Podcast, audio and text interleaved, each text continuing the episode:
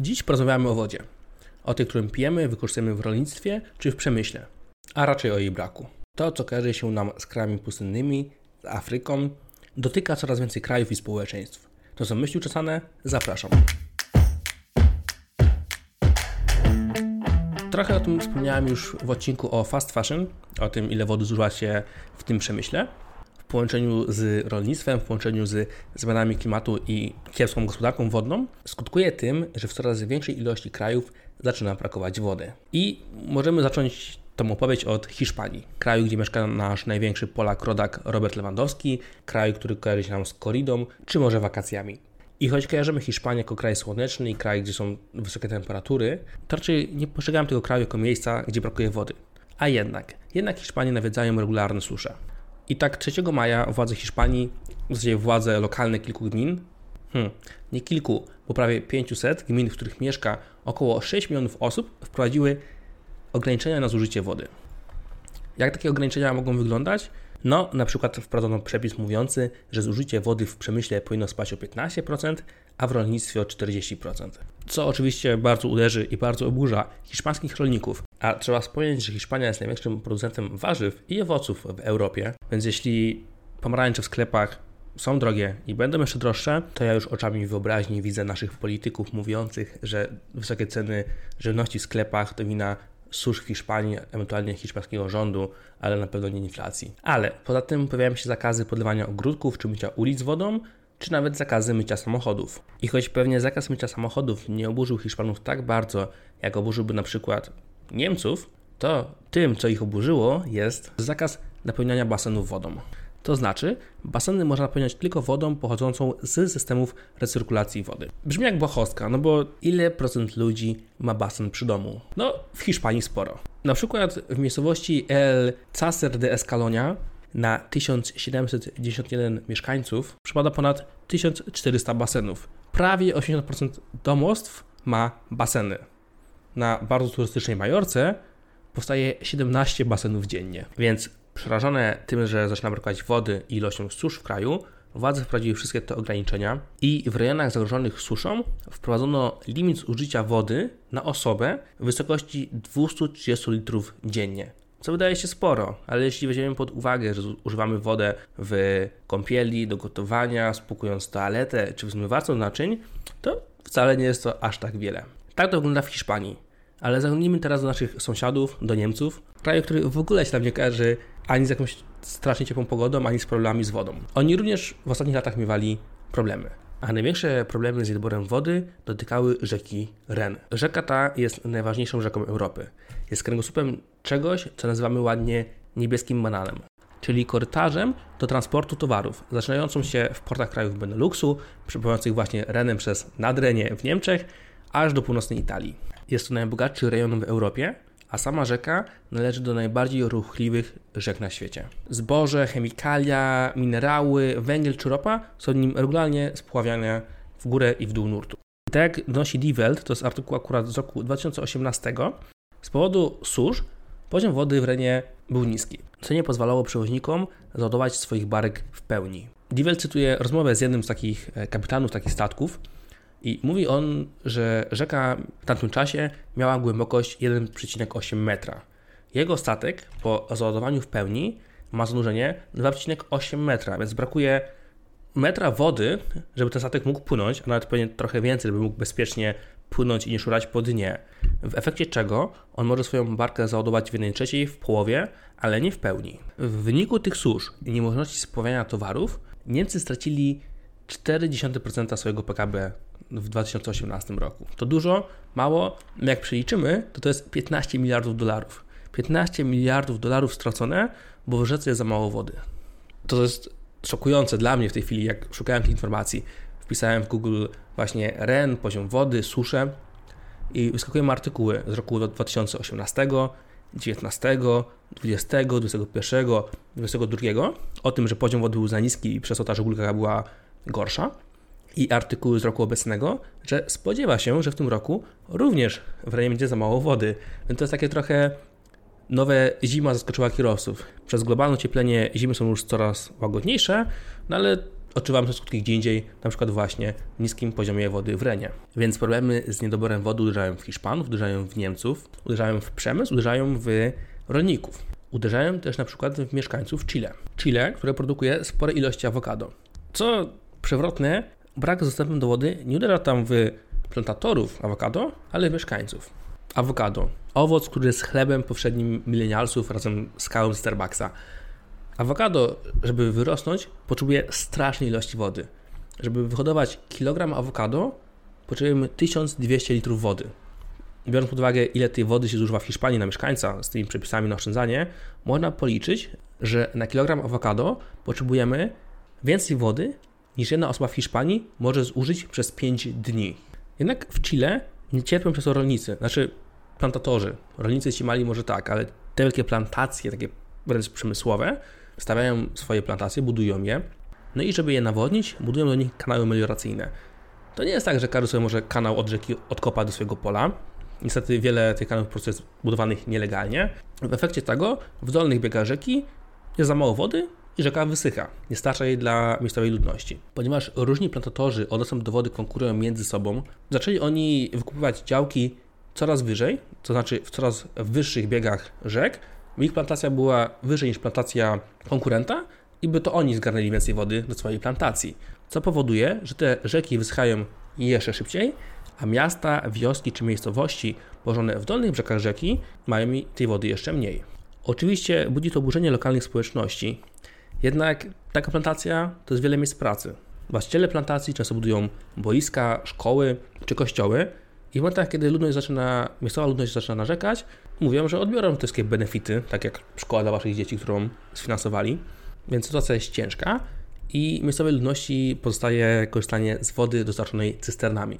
Woda ta jest z reguły kiepskiej jakości, często niezdatna do picia oraz woda dostarczana cysternami przez prywatny biznes w miejsca, gdzie wody brakuje, jest, cóż, o wiele droższa. Odchodząc od Chile, na przykład woda w Bombaju z cysterny jest 50 razy droższa niż woda, którą mógłby zapewnić rząd w kranie, jednak no, nie ma tej wody na tyle, by ją zapewnił. I to jest coś, co trochę zmieniło moje patrzenie na to, bo WHO wydało zalecenie, ile swojego dochodu powinno się przeznaczać na wodę. Nigdy tak na to nie patrzyłem, bo oczywiście liczyłem, ile procent mojego dochodu kosztuje mi mieszkanie, a ile sobie mogę odłożyć. Ale nigdy nie liczyłem, jestem pewien, że nikt z Was też nie liczył, ile procent waszej pensji przeznaczacie na wodę. No i tak WHO zaleca, że powinno być to między 2 a 3%. Jednak mieszkańcy Nepalu przeznaczają około 20%, a mieszkańcy Jordanii nawet połowę swoich dochodów przeznaczają na wodę. Woda w niektórych miejscach świata i w niektórych okolicznościach staje się towarem tak deficytowym, że na przykład w Chile przy tym awokado powstają mafie. Powstają mafie, które pilnują dostępu wody do plantacji, a gdy cała ludność narzeka, to grożą, że ją cóż, zabiją albo wywiozą gdzieś i już się nie wróci. Jeśli oglądaliście film Mad Max, gdzie cały ten świat opierał się na tym, kto miał kontrolę nad wodą, to jeszcze na tym etapie nie jesteśmy, ale warto posłuchać o sytuacji, która się dzieje w Afryce, w zasadzie w tej chwili. To znaczy konflikt, który toczył się przez lata między Etiopią, Sudanem a Egiptem. A wygląda to tak. Jak pewnie pamiętamy ze szkoły, cała ta cywilizacja Egiptu i również dzisiejsze państwo Egiptu oparte jest na Nilu. 95% mieszkańców czerpie wodę z Nilu, a 99% mieszkańców żyje nad brzegiem Nilu. A poza tym większość kraju to jest pustynia. W Sudanie jest troszkę lepiej, ale również Nil jest podstawowym źródłem wody dla większości mieszkańców. I teraz taka szybka lekcja geografii. Egipt jest na północy Afryki, tam Nil wpływa do morza. Na południe od Egiptu leży Sudan, czyli zanim Nil wpłynie do Egiptu, przepływa przez Sudan, a w Sudanie łączą się dwa dopływy Nilu. Nil biały i Nil błękitny. Dopiero jak te dwie rzeki się połączą, to powstaje ten Nil właściwy. Około 80% wody, która przez Nil przepływa, jest dostarczone w porze deszczowej z dopływu Nilu błękitnego.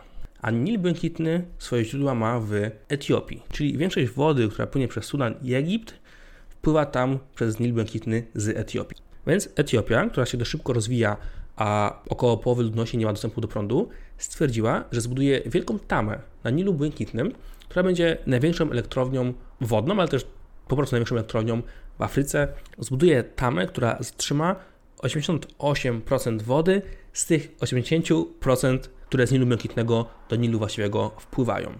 Co oczywiście bardzo uderzy w Sudan i Egipt. Sudan i Egipt to są dwa kraje, gdzie żyje 140 milionów ludzi. Co ciekawe, sama Etiopia nie ma problemów z dostępem do wody. Większa część kraju znajduje się w basenie rozlewisk Nilu Błękitnego, a Etiopia, jak to na wspaniałego sąsiada przystało, tamę buduje 15 km od granicy z Sudanem. Znaczy zbudowała tą tamę 15 km od granicy z Sudanem. Znaczy to tyle, że Nil Błękitny, tak jak płynął przez Etiopię i ją zasilał wodę, płynie tak samo i jakiekolwiek ograniczenia w dostępie do wody pojawią się dopiero za tamą, czyli dosłownie dopiero w Sudanie i w Egipcie.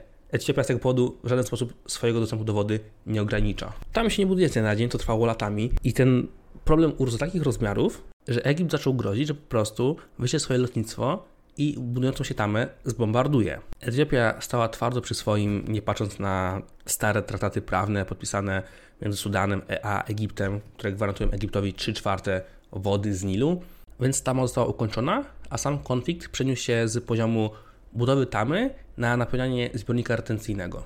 To jest ten zbiornik, który jest przed tamą, gromadzi wodę, następnie ta woda przez tamę przepływa na turbiny, produkując prąd. Więc dość naturalnie Etiopia chciałaby ten zbiornik napełnić jak najszybciej, by jak najszybciej zacząć produkować energię.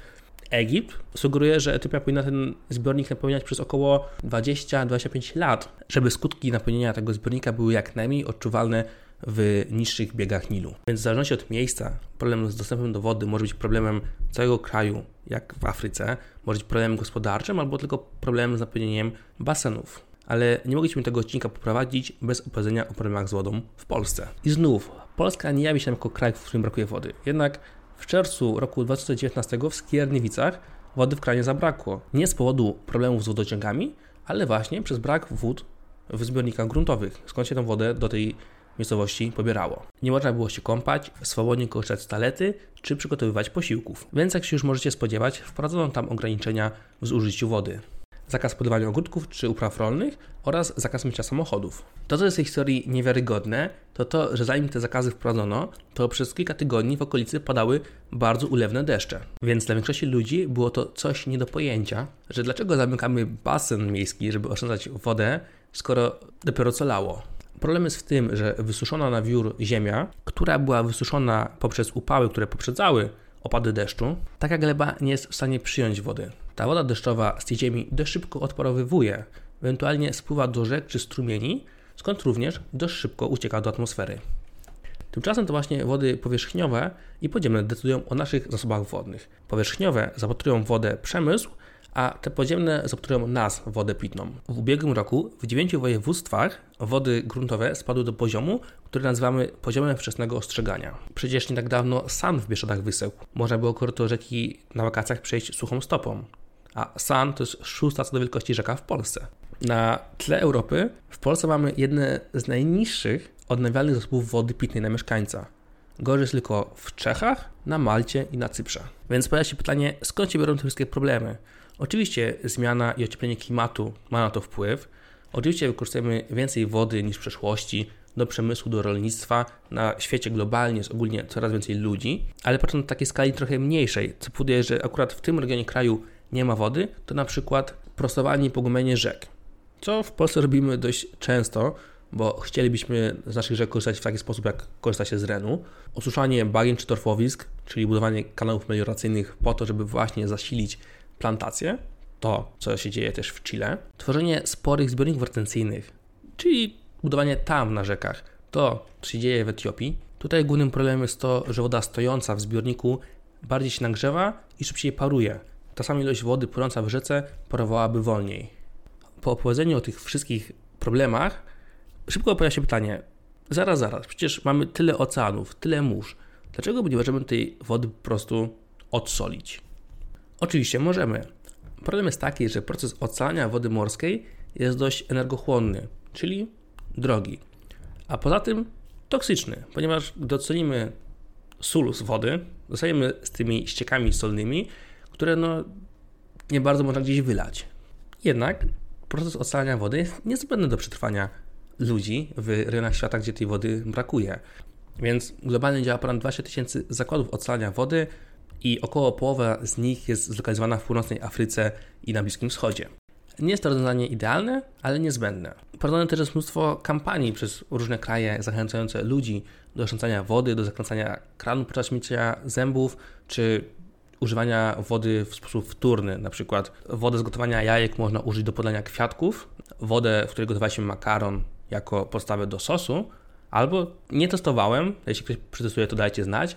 Podobno wodę z gotowanego ryżu, tylko bez soli, można używać jako odżywki do włosów. Także bądźmy świadomi, że wodę warto oszczędzać, bo może nam jej kiedyś zabraknąć.